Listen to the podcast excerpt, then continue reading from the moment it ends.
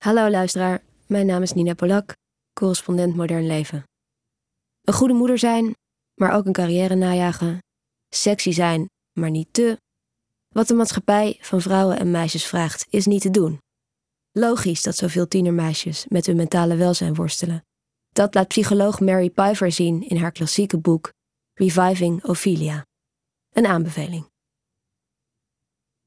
Op het hoogtepunt van de bioscoophit Barbie pakt Gloria, een moeder die vanuit de echte wereld op bezoek is in Barbie's plasticland, haar zeepkistmoment. Ze steekt een monoloog af die je de feministische boodschap van de film nog even in het gezicht wrijft. Het is onmogelijk om een vrouw te zijn, lamenteert Gloria. Op de een of andere manier doe je het altijd verkeerd. Je moet dun zijn, maar niet te dun. Je moet een baas zijn, maar niet gemeen. Je moet een liefhebbende moeder zijn, maar niet de hele tijd over je kinderen praten. Je moet een carrière najagen, maar ook altijd voor anderen zorgen. Je moet dankbaar zijn, maar je ook bewust zijn van het verziekte patriarchale systeem. Maar toch dankbaar. Wat er door de maatschappij van vrouwen en meisjes wordt gevraagd, een maat van perfectie die Barbie symboliseert, is niet te doen. Dat is een van de gedachten die regisseur Greta Gerwig opwerpt met haar film. Het wordt door Gloria wat schematisch verwoord, maar Gerwig baseerde zich op een boek uit 1994 dat de onmogelijkheden van het vrouw worden met meer diepgang onderzoekt. In die bestseller, Reviving Ophelia, Saving the Selves of Adolescent Girls uit 1994, beschrijft de Amerikaanse psycholoog Mary Pfeiffer vanuit haar praktijk de uitdagingen waarmee tienermeisjes te maken krijgen. Ze documenteert in detail de onrealistische maatschappelijke verwachtingen die er vanaf de middelbare school op meisjes beginnen te drukken. Aan de hand van vele case studies laat ze zien hoe haar cliënten op zorgwekkende schaal worstelen met eetstoornissen, depressies en zelfbeschadiging. Zonder ze te pathologiseren maakt Pfeiffer voelbaar hoe die problemen samenhangen met de wereld waarin deze meisjes opgroeien. Dat is ook in die vroege jaren negentig al een wereld doordrenkt van media, die kwetsbare tieners voortdurend confronteren en manipuleren met seks en commercie. Het is een wereld waarin jongens elkaar opstoken om op feestjes dronken meisjes lastig te vallen, waarin een gekmakende dubbele moraal geldt op ongeveer ieder vlak. Het is ook een wereld waarin het hebben van twee werkende ouders steeds normaler is, net als gescheiden ouders, en waarin pubers gestimuleerd worden om zich met geweld los te maken van hun families. Dezelfde families, meent Pfeiffer, die ze stiekem juist zo nodig hebben in deze levensfase, voor steun en geborgenheid. Wat veel van de verhalen van Pfeiffer met elkaar gemeen hebben, is dat de ouders van de meisjes die ze spreekt hun dochters zien veranderen van vrolijke kinderen in stille, teruggetrokken of opstandige pubers die eigenlijk om hulp schreeuwen. Zoals Hamlet's Ophelia, die zichzelf verliest wanneer ze alleen nog voor de goedkeuring van haar prins leeft, schrijft Pfeiffer: Meisjes houden op met denken: wie ben ik? Wat wil ik?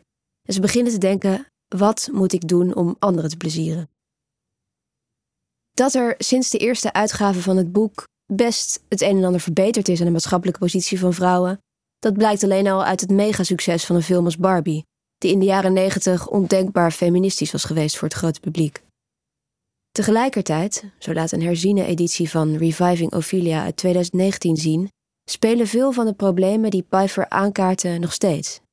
Sommige van die problemen werden zelfs versterkt door de komst van sociale media. Bijvoorbeeld een verstoord lichaamsbeeld.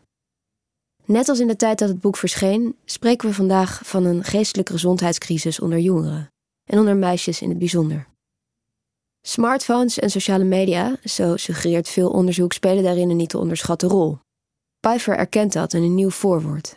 We hebben een nieuwe menssoort gecreëerd, schrijft ze. Voor het eerst in de geschiedenis verhouden tienermeisjes zich niet meer voornamelijk in levende lijven tot elkaar, maar digitaal. We weten nog niet precies wat daar het gevolg van is, meent Pfeiffer, maar we weten genoeg om te stellen dat die virtuele gemeenschap een echte gemeenschap niet helemaal kan vervangen. En dat die echte gemeenschap leidt onder de digitale versie.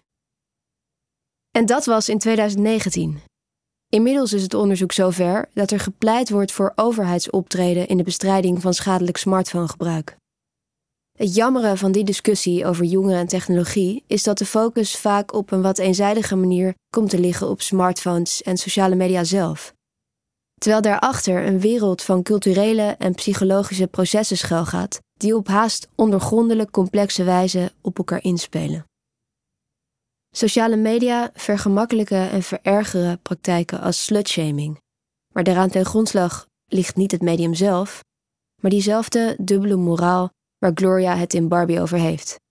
Die meisjes gebiedt sexy te zijn, maar vooral niet te. Sociale media zijn, tja, het medium, maar dus niet de boodschap. Voor wie dieper inzicht wil krijgen in die boodschap, waar het meisjes en geestelijke gezondheid betreft, is Reviving Ophelia een aanrader. Pfeiffer laat je voelen waarom het door een combinatie van natuur, cultuur en technologie soms echt onmogelijk kan lijken om een meisje te zijn. Het is de missie van de correspondent om voorbij de waan van de dag te gaan. Onze correspondenten voorzien het nieuws van context en schrijven over de grote thema's van deze tijd. De correspondent geeft me de vrijheid om mijn nieuwsgierigheid te volgen en de tijd om verhalen te schrijven. En zo probeer ik onzichtbare structuren zichtbaar te maken en een andere kijk te bieden op debatten die het nieuws domineren. Dan gaat het minder over het spelletje en veel meer over wat er op het spel staat. Vanaf dag 1 zijn onze artikelen, boeken en podcasts gefinancierd door onze leden. Volg ons op onze journalistieke zoektocht. Overweeg eens lid te worden van de correspondent. En maak daarmee samen met ruim 70.000 anderen onze onafhankelijke journalistiek mogelijk. Dus word lid van de correspondent. Ja. Word lid. Word lid.